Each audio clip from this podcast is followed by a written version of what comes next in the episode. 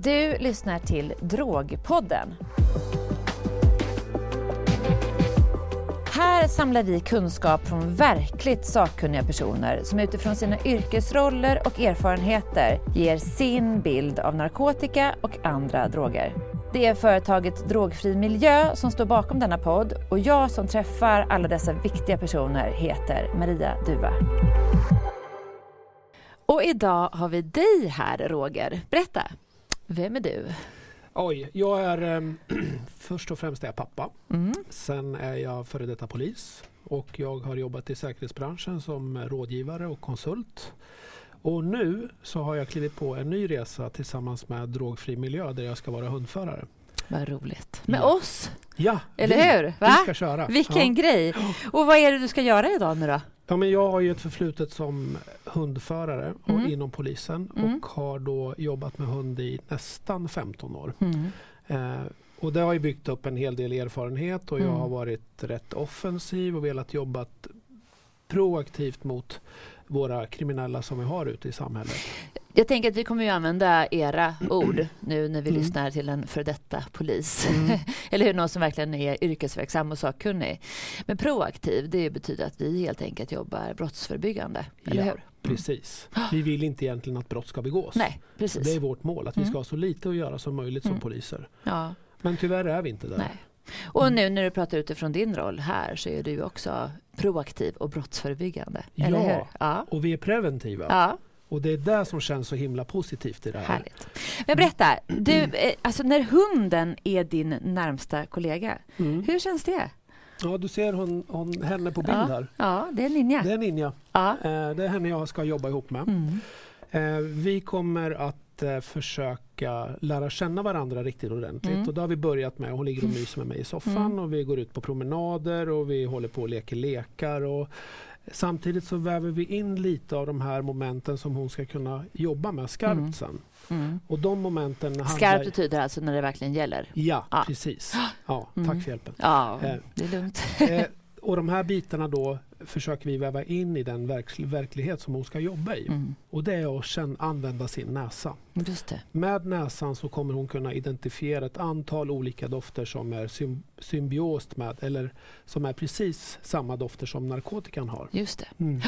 Så det är sökhund och du är liksom hennes kollega och hon är din. Och då leder du henne och sen så letar hon efter narkotika Ja, i det här fallet, eller hur? Precis. Ja. Vi försöker att komma in i de miljöer där vi tror att det kan finnas. Mm. Men naturligtvis så hoppas vi ju att det inte ska Nej, finnas. precis. Men det gör det ju, så Ja. ser det faktiskt Mm, ut idag, mm. eller hur? Ja. Eh, men, och, jag tänker så här, hur ofta kan en hund jobba? Ja, men en hund kan jobba varje dag Mm. men perioderna som hunden är koncentrerad och fokuserad kanske rör sig om lite kortare perioder av Mm. upp till 20, kanske 30 minuter om den om det är en rutinerad, vältränad hund så Mm. kanske den kan jobba upp i 30 minuter. Men sen kan man inte garantera att hunden bara jobbar på de här dofterna som vi har tränat på. Utan hon kanske letar efter någonting annat. Det kan vara, kanske ligger mat i något skåp Mm. som är jätteintressant eller en chokladkaka eller någonting sånt där. Gud förbjude att hon äter en chokladkaka Ja. för det är absolut inte bra för hundar. Men eh, ligger det någonting som luktar gott så kan de styra av lite från koncentrationen. Men du, jag tänker på att jag har ju vuxit upp med film såklart. Och då har man ju Mm. sett det här eftersök efter personer. De springer i skogen och letar. Då jobbar hundarna längre tid. Ja, Ja. det gör de ju. Mm. Eh, och då jobbar man ju på en annan doftbild. En hög vittring som ligger och snurrar runt ute i, i eh, eh, några meter över marken. Mm. Och då ser man oftast hunden går högt med näsan och sen så följer den den här doftkorridoren som blir bort mot den försvunna så som vi håller på att leta efter. Ja. Och likadant, hundar kan ju lära sig vårt språk. Jaså? Ja, så uppemot Ja, just 200-250 ord har man Det kan jag tänka på med min egen hund. Ja men precis. Ja. Man säger någonting, ja men nu ska vi nog ta och gå och lägga oss. Det är därför man får prata tyska hemma. Eller hur? Nej men du, alltså, men en paus då. Om de jobbar i 25 minuter säger vi. Ja, Eh, vältränad hund. Måste de ta en paus på kanske? 5-10 minuter, Okej. fylla på med lite vatten, den får Mm. dricka lite, kanske få någon godisbit om det är så. Sen så flyttar vi om då vi brukar ha små tecken till hunden Mm. så att hunden och jag talar samma språk.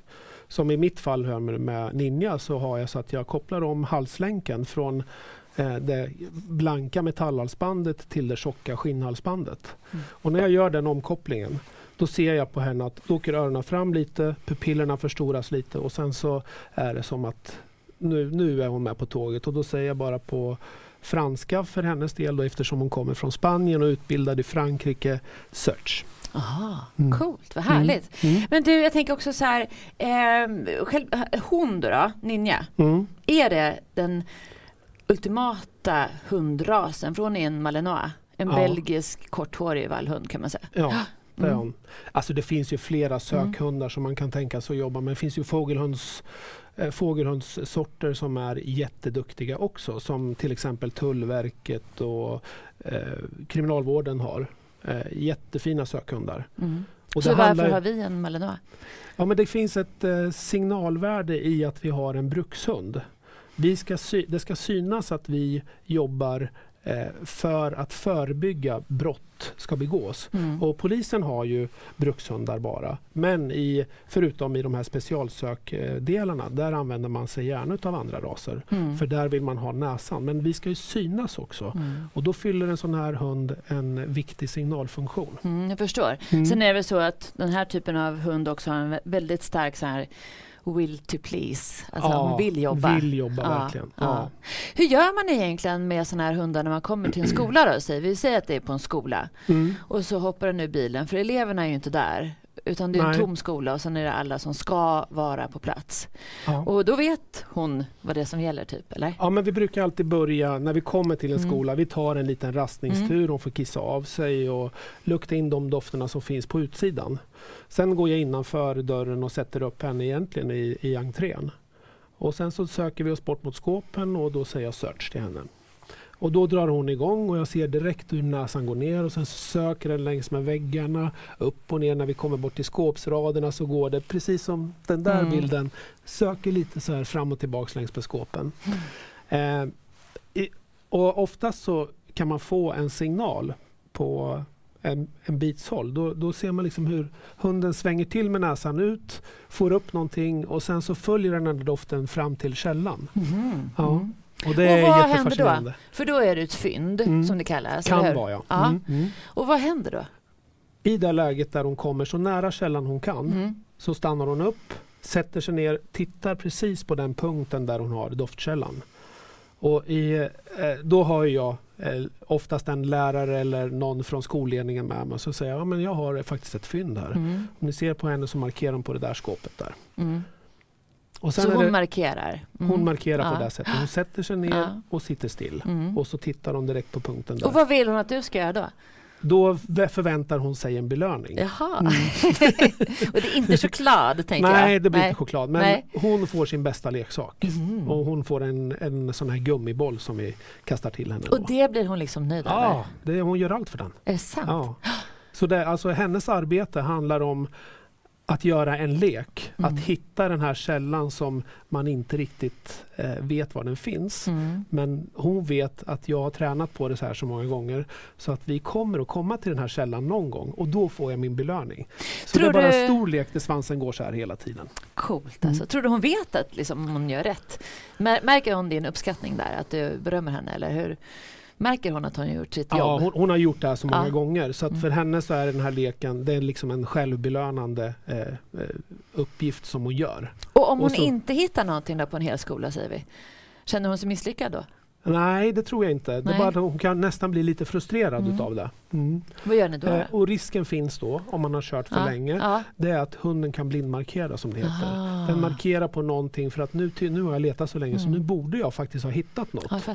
Och då får vi kanske hjälpa hunden genom att lägga ut någonting själva Mm. som hon kan få som en belöning. Jag för förstår. då vet ju jag också vad jag har belönat ut på. Mm. Men det är jättebra ju. Ja. Ja, så det. Härligt. Men du, eh, genom din historia då, när du jobbade hos polisen. Hur länge var du hundförare hos polisen?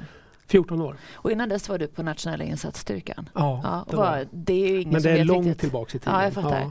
Men det är ju ganska tuffa arbeten inom Ja, polisen. det. Ja. Ja. Vad har du letat efter med hund? Vad har ni sökt efter? Ja, men jag har letat efter försvunna människor, Mm. jag har letat efter våldsamma människor, jag har letat efter människor som, har, som springer på flykt. Eh, Jag har letat efter vapen, både skjutvapen, eh, knivar. Ehm, Sista jobbet jag gjorde nästan innan jag slutade, då hittade vi ett mordvapen i form av en gammal förskärare som låg i ett buskage inne i ett bostadsområde i Örebro. Mhm. Så att, eh, vi har gjort nytta, hunden och jag. Mm. Och vi brukar liksom lite på skoj säga att man räknar ihop antal fängelseår som man tar med respektive hund. Eh, och med den förra hunden jag hade då som jag kunde jobba med i drygt två år så fick jag i alla fall ihop 20 fängelseår. Oj, Ja. wow. Men det är ju liksom hunden i det här fallet gör ju någonting som människan aldrig skulle kunna göra. Nej, nej. Nej. nej, men det finns inte. Alltså, hunden är ett ovärderligt bra Mm. instrument för oss. Mm. En oerhört fin eh, arbetskamrat Mm. och ett jättebra verktyg. Mm. Så otroligt coolt. Mm. Och då undrar jag så här, vad, alltså hur länge kan en hund vara i tjänst?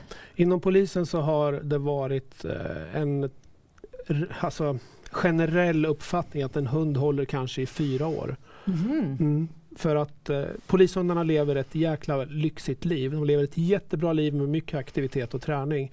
Men det innebär också en hel del slitage på hundarna i och ur hopp ur polisbilarna. Och det är högt upp. De ska, alltså I de här jeeparna nu som vi har. eh, Men har man det- ingen så här ramp de går på? Jo, det finns Ja. ramper också. Men ja, det, det går inte att ha med sig. Det är lite för bökigt och det tar för lång tid. Ibland så måste man häva ut hunden för att vi har en flyende gärningsman Mm. ute eh, i ett bostadsområde. Och då kan det hända att vi måste skicka hunden direkt från att den har legat still i bilen i 3-4 timmar till att man skickar på ett eh, revirsändande Mm. som det heter. Man skickar hunden för att den ska bita. Mm.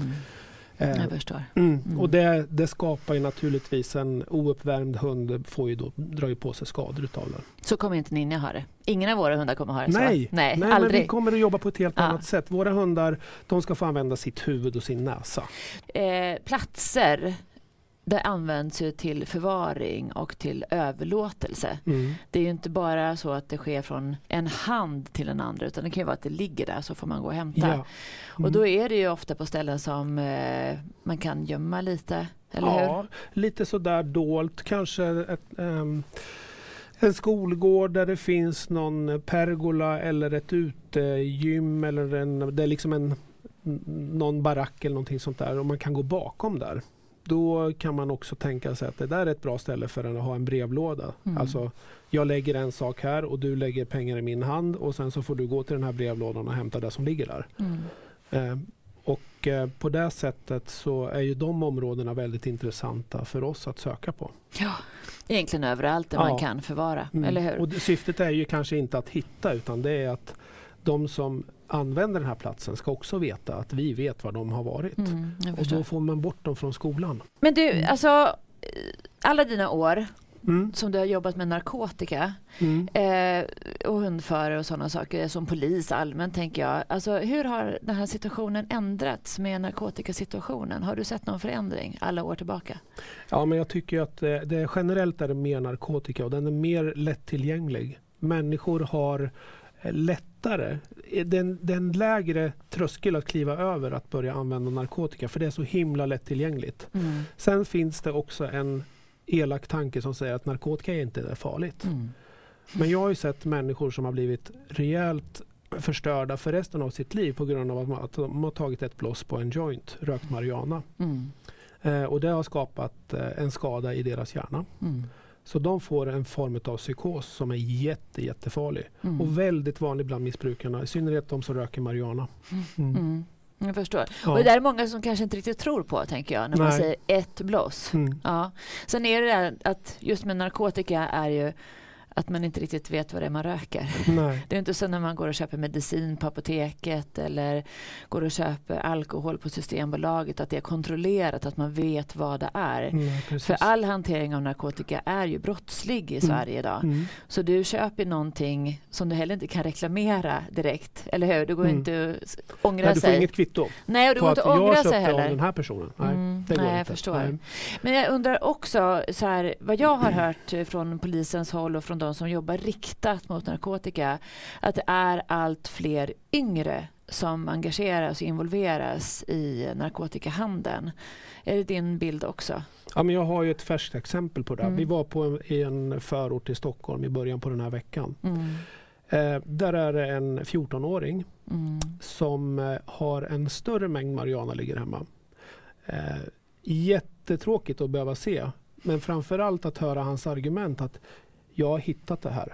Eh, ja, men du har ju narkotika i byrålådan och du har narkotika i, din, i ditt skrivbord. Vad, vad kommer det ifrån? Då? Ja, men det var bara sånt som jag hade låg där. Och då använder han, jag vill inte säga termerna, men, Mm. men han använder den typen av termo- terminologi som tyder på att han är väl insatt i hur man hanterar och Mm. hur man paketerar och hur man rullar cigaretter Mm. med marijuana i. Eh, och Du sen- menar terminologi ord och begrepp och hur man Ja, uttrycker men precis. det? Ja. Alltså han, han, har, ja, man använder sina ord. han liksom. använder Ja. de orden Mm. som andra missbrukare använder. Mm, mm. Och det gör att eh, jag känner näst, en oro över att det är så unga människor som Mm. går runt med så pass stora mängder, för det här handlar om ett halvt kilo. Mm. Eh, och eh, då blir jag orolig. Och den situationen skulle kunna vara ett, att han säljer Ja.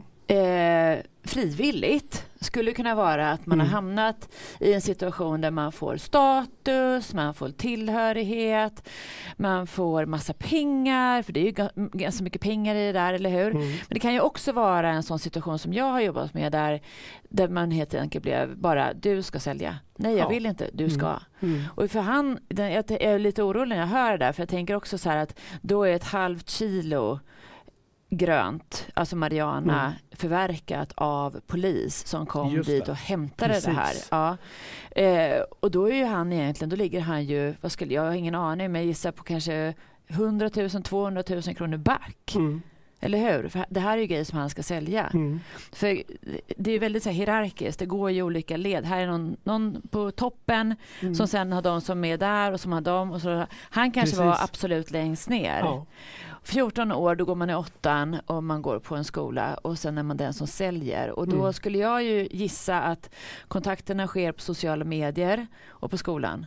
Mm. Och överlåtelseplatsen kan vara var som helst. Men skolan är ju en träffpunkt, eller hur? Och sen utnyttjar ju då de här som är i steget ovanför. Den här grabben kanske har rökt någon gång, köpt av de här och så vet de att han är under 15 år. Mm. Han får inget straff. Eh, han kan hålla på och sälja åt oss rätt länge. Eh, I den värsta av världar så kanske de har sagt att ja, men, säljer inte du det här åt oss, då kommer vi klippa din familj. Mm. Vi kommer slå ihjäl dem. Mm. Och där står han och är tvungen att för hela sitt liv ljuga oss upp i ansiktet. Mm. Även fast jag då Såklart. som, som eh, rutinerad och erfaren ser att den här grabben han far ju med osanning så det visslar om det. Men jag har ju ingen befogenhet att ställa på honom och vi kan inte göra det heller för han är inte straffmyndig. Nej, men det är inte din Nej. grej där och då. Nej. Absolut inte. Men jag tänker ändå 14, många som lyssnar på det här nu, för nu pratar vi inför, jag vet inte hur många, det här kan ju vara oändlig publik vi har framför oss. Nervös jag blir. Mm. Nej, men när man, jag tänker att många 14, ja, då tänker många vuxna, ja, men jag provade att röka första gången jag var 14, det var inte så farligt, det hände Mm. inte så mycket med mig. Jag har ju hört bra mycket yngre, dina kollegor körde rimfrost nere i Skåne, Mm. de vittnar om att de identifierade åttaåringar i den organiserade kriminella världen som just var kopplat till narkotikahandel. Mm. Så-. Det är ju oerhört skrämmande. Och jag har ju också jobbat på socialtjänsten i många år. Jag vet ju att här går ju vård före straff. Mm. Vård går ju före allt, i synnerhet när det gäller barn och unga, för man vill ju att det här inte ska ske. Nej. Och då kommer jag in på nästa fråga och då tänker jag verkligen på så här, varför håller du på med det här arbetet år efter år efter år efter år? Vad är ditt brinn? Ja, men alltså, jag, I och med att jag är pappa själv, jag har Mm. tre barn, jag har tre barn som, som det går bra för. Mm. Eh, De har klarat sina tonår. Eh, Och det kanske beror på att jag har haft dels den här medvetenheten men jag har också känt ett jäkla stort engagemang för mina barn. Mm. Och det är nog det viktiga att vi som föräldrar verkligen är engagerade och ger våra barn tid Mm. och koncentrerar oss på hur ser deras miljö ut? Vad har de för sidor Mm. på i sina telefoner som de är inne och, och Mm. spelar på Mm. eller pratar på? Vad kan vi göra för att öka vår medvetenhet om vad som händer hos dem? Alla har inte sådana föräldrar. Nej, det är det som är grejen. Mm. Och då tänker jag att vi andra vuxna, vi får, får kämpa på lite mer. Ja. Göra lite extra. Resurser och sådana saker hos polisen. Kan du bara säga någonting om det? Tyvärr så hinner inte vi med allting. Nej. Eh, och det här är ju att röka en joint är ju ett ringa brott mm. som ger 800 kronor i böter. Mm. Vi ser inte speciellt allvarligt på det heller, även mm. fast det egentligen är där vi ska sätta in alla klutar för att få stopp på det. Mm. Det är de ungarna som börjar där, mm. barn oftast, mm. så de är under 15 år. Mm. Och då behöver de, behöver de ha rätt hjälp och vi ska sätta till alla resurser vi har för mm. det. Och polisens brottsförebyggande arbete står egentligen över i ordning det lagförande. Alltså mm. det, det kommer ju som nummer ett. Mm. Och som polis idag, känner man att man hinner jobba brottsförebyggande? Ja, nu är det ju ett och ett halvt år sedan men jag, jag tror faktiskt inte att de hinner. Mm. Jag är ju eh, kriminolog som du vet och jag är ju rätt säker på att ett brottsförebyggande arbete är det viktigaste vi har. Att man förser med kunskap också i rätt tid. Visst, Visst är det så? Mm. Ja, jag tror mm. faktiskt det. Och det är det vi gör här och nu. Ja, men du, eh, då ska vi se. Tänker på att allt det här handlar egentligen om tillgång och efterfrågan. Visst är det så? Mm. Och eh, tillgång finns det ju typ i någon slags balans med så mycket som efterfrågas. Mm. Alltså om det inte fanns någon som ville köpa narkotika, ingen, då skulle de ju snart ändra det som de vill sälja, eller hur? Ja. Men idag så är det liksom, det är någon slags, vet inte vad det skulle kunna vara, någon slags balans för att tillgången kan ju störas ifall tullen eller polisen gör så riktigt stora tillslag och förverkar mm. hundratals kilo, vilket de gör mm. ganska ofta. Eh, men jag tänker också på efterfrågan. Det är där vi behöver verkligen liksom försöka nå ut. Och, ja, och tittar man på eh, Sverige i ett veckoperspektiv missbruksmängd som går åt så pratar vi kanske ett ton som går mm. åt per vecka. Av vad då? Av, av marijuana, amfetamin och kokain, Aha. heroin. Mm. Eh, ett ton? Ja enorma mängder. Mm. Eh, och hur det kommer hit, det vet vi inte. Vi har, vi har sprängt några sådana här amfetaminfabriker.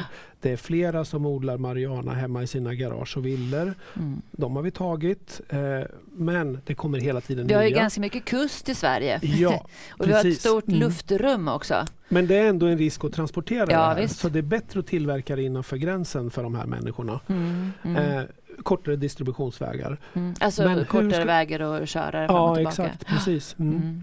mm. Eh, men eh, hur vi ska göra för att minska det här det är ju att vi ger skjutsingen i det. Mm, att du slutar, vi slutar ja. att använda. Det är lätt mm. att säga tänker jag. Ja. För många i tonårstiden i synnerhet är ju rätt här vad ska man säga, spänningssökande. Ja, man, letar man ska ut och lära sig livet. Ja, ja exakt. Och mm. så är det någon som kanske när man inte mår så bra, någon mm. som lockar. För det är inte bara vi har mest pratat gräs här nu, mm. du och jag, Mariana hash. Mm. Eh, vi pratar ju amfetamin. Mm. Det finns ju väldigt mycket andra substanser, kokain, amfetamin, E. Mm. Alltså det kommer ju också så här och så varianter. mycket läkemedel med tramadol. Ja, herregud. Mm. Ja, visst.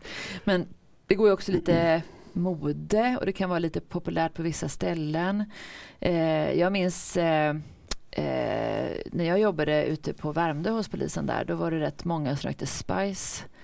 Och nu kommer det mycket mm. kristall. Mm. Så det leder in mig på den frågan eh, till dig. Vad bär du med dig? Vad har du för fall, för ärenden som du inte glömmer? Ja, jag, har, jag har ju några sådana där som där mammorna har ringt, en mamma har ringt och varit helt desperat. Mm. Och vi har, då, då, var jag också på en sån här narkotikaspaningsgrupp som jobbar ute på stan. Mm. En gatulangningsgrupp. Eh, och hon ringer upprepade tillfällen, vi håller kontakt i ett halvår.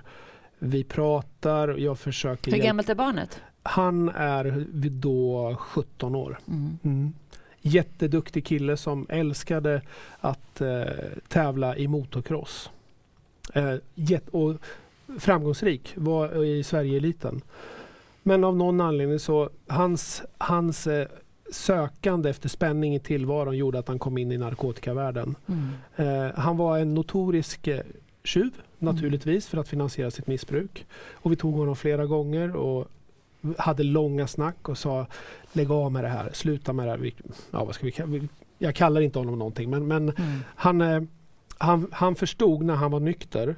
Men sen när han var påverkad så satt han och log åt oss och sa ni kommer aldrig få mig att sluta. Nej. Hans mamma var helt desperat. Sen Mm. ringer hon en eh, kväll hem till mig. Då har han stulit en motorcykel Mhm. och eh, kör in i en stolpe. Sen är det sagan slut. Ja, Mm. tråkigt att höra. Ja, men det är ju liksom den krassa världen av att börja... Hur gammal var han då? 18. Åh herregud. Mm. Men du, Mm. jag måste också bara fråga en sak, för nu har vi hittills bara nästan pratat om killar. Mm. Kan du kommentera det lite? För det kan ju inte bara vara så att det är liksom killar som missbrukar och röker och håller på med narkotika. Nej. Eller hur? Nej men Nej. så är det ju inte. Men, men det är betydligt fler killar Mm. generellt. Det är det. Mm. Men jag, jag tycker de här tjejerna som eh, är inne i världen, de har, ett, de har ett hårdare liv. För dem, eller den stora nackdelen, det är att de måste finansi- finansiera, alltså köpa sin narkotika genom att sälja sin kropp. Du menar att de säljer sex, Ja. sexuella tjänster? Ja, det gör de. Mm. Mm. Eh, en del blir så hårt utnyttjade så att det är ren, ren frå- fråga om ren eh, grov våldtäkt. Och berätta, från vilken ålder skulle du kunna säga att det kan börja? Ja, jag tror att eh, den jag tänker på hade precis fyllt 15. Mm. Mm. Jag vet de som är yngre än så som Mm. säljer sexuella tjänster Mm. mot narkotika. Mm. Men jag tänker också att det är inte alla killar som hamnar i missbruk heller Nej. och som håller på med narkotika. Alltså, och det är ju det som är så härligt i den här kråksången. För att eh, vi har ju, vi har ju 95, 96, 97 procent människor som går i skola som är hur skötsamma Mm. som helst. Mm. De gör sitt jobb, de Mm. går i skolan och försöker lära sig så mycket som kan, de kan. Men det finns också då 3, 4, 5 procent som inte vill göra Mm, det. Och de sätter sin prägel på utbildningen och på skolan och på miljön så att de här andra blir störda utav det. Exakt. Och därför så är det så skönt om vi kunde jobba för att få skolan helt drogfri. Och då kan vi komma in på det här, vad ska man göra då när man är ungdom och kompisar tjatar? Mm. Men prova, det är inte så farligt, det är bara en Mm. spliff, det är bara en joint, Mm. det är bara det, det är bara en E, jag har gjort det, det är inget farligt, det är bara härligt, det är bara roligt. Mm. Hur länge pallar man stå emot och vad ska man göra för att orka stå emot? Ja, jag vet inte, men jag hoppas ju att alla har liksom den tanken med sig att har jag provat det här, då har jag klivit över en gräns. Och den där gränsen, den går aldrig att ta tillbaka. Men Nej. Kan man förbereda sig på något sätt och vis, tänker du? Eh, För jag menar, med min dotter, hon Mm. är ju 15 mm, och min son är 13. Jag tyckte ju att det var rätt skönt när hon fick eh, moppekörkort. För då har man ju någonting att skylla på. Liksom att, nej men jag kör ju. Jag kan ju, Mm. inte, jag kan inte dricka alkohol för jag kör ju. mm, Alltså så. Och det kan jag som kvinna känna att det var rätt skönt för mig när jag var gravid. För även i vuxen ålder kan det ju tjatas och trugas. Ja, Ta ja, ja. ett glas. Så länge som jag var gravid och ammade så var det ju ingen ever som erbjöd mig någonting. mm. Det är ingen som tjatar på mig idag för nu är jag för gammal för det. Alltså det är ingen som så. Men jag tänker att det är rätt många situationer som eh, barn kanske inte riktigt vet hur de ska hantera. Mm. Hur de ska förbereda sig för det. När en kompis tjatar. Ja, jag har inte riktigt svaret på det. Men Nej. jag tror jag får se till mina Hur egna rustar barn. du dina egna barn? Ja, men då, då har jag alltid pratat om det här och de är ju, alltså, de blir ju påverkade av att jag har jobbat som polis. Jag. Ja. Mm. Och jag önskar att fler föräldrar hade den erfarenheten som jag har Mm. och har sett det här så att man verkligen kan säga jag har ett exempel på hur det kan gå. Mm. Och sen så berättar jag om den här tjejen eller den här killen som drog sin första joint och sen så fick han en haschpsykos efter Mm. det. Mm. Eh, och när man ser en människa som ligger, är helt utslagen, han kissar på sig, han bajsar ner sig, det ligger en sån här browniekaka bredvid och Mm. han kräks och han mår jättedåligt och han vet inte ett dugg var han är. Mm. Det är inte värdigt. Det är inte ett människovärde. Nej, och det, det har man också- försatt sig ja. i på grund av att man tyckte att det var så jäkla fränt. Mm. Mm. Också en farlig situation att vara i. Mm. Eller hur? Jag menar, det. Mm. det är ju, han kan ju bli utsatt för vilka andra brott som helst. Ja. Ja, nej, men jag tänker att man behöver ha kunskap så att man fattar kloka beslut helt Ja. enkelt. För Mm. hela livet, du och jag är gamla nu, Mm. så vi kan ju säga att det handlar om att välja men också välja bort. Ja. Alltså kanske mer välja Mm. bort än att man väljer det. Okej, du. Viktigast av allt i min värld skulle jag ändå säga kunskap. Vill du kontra? Ehm, jag säger föräldraansvar. Mm. Mm. Om man inte tycker- har föräldrar då? Ja, men då finns det andra vuxna. Mm. Prata med din lärare. Mm. Prata med, med han som jobbar i kiosken på skolan. Mm. Eh, snacka med människor. Jag brukar kalla dem för viktiga vuxna. Ja, Och det ja. kan vara rätt många. Kurator, Ja, skolsköterska, visst. Mm. idrottsledare, släktingar. För de flesta vuxna Mm. vill ju ändå väl, Ja. eller hur? Och det finns ju de som har det som jobb. Mm. Jag har ju en Mm. fråga då. Mm. Kan man helt random gå fram till en polis och prata? Eller är det kört då? Nej, absolut inte. Vi älskar att prata. Det är därför Mm. vi har valt det här jobbet. Mm. Mm. Jag säger vi, jag ser, Ja. jag ser mig som en polis Ja, fortfarande. det. Men, En gång Men, kollega, eh, alltid kollega. ja, och jag, jag känner ju så när jag kommer fram och Mm. träffar någon. Ah, vad kul! Mm. Nu har jag någon att prata med. Mm. Eh, det är så man ska känna.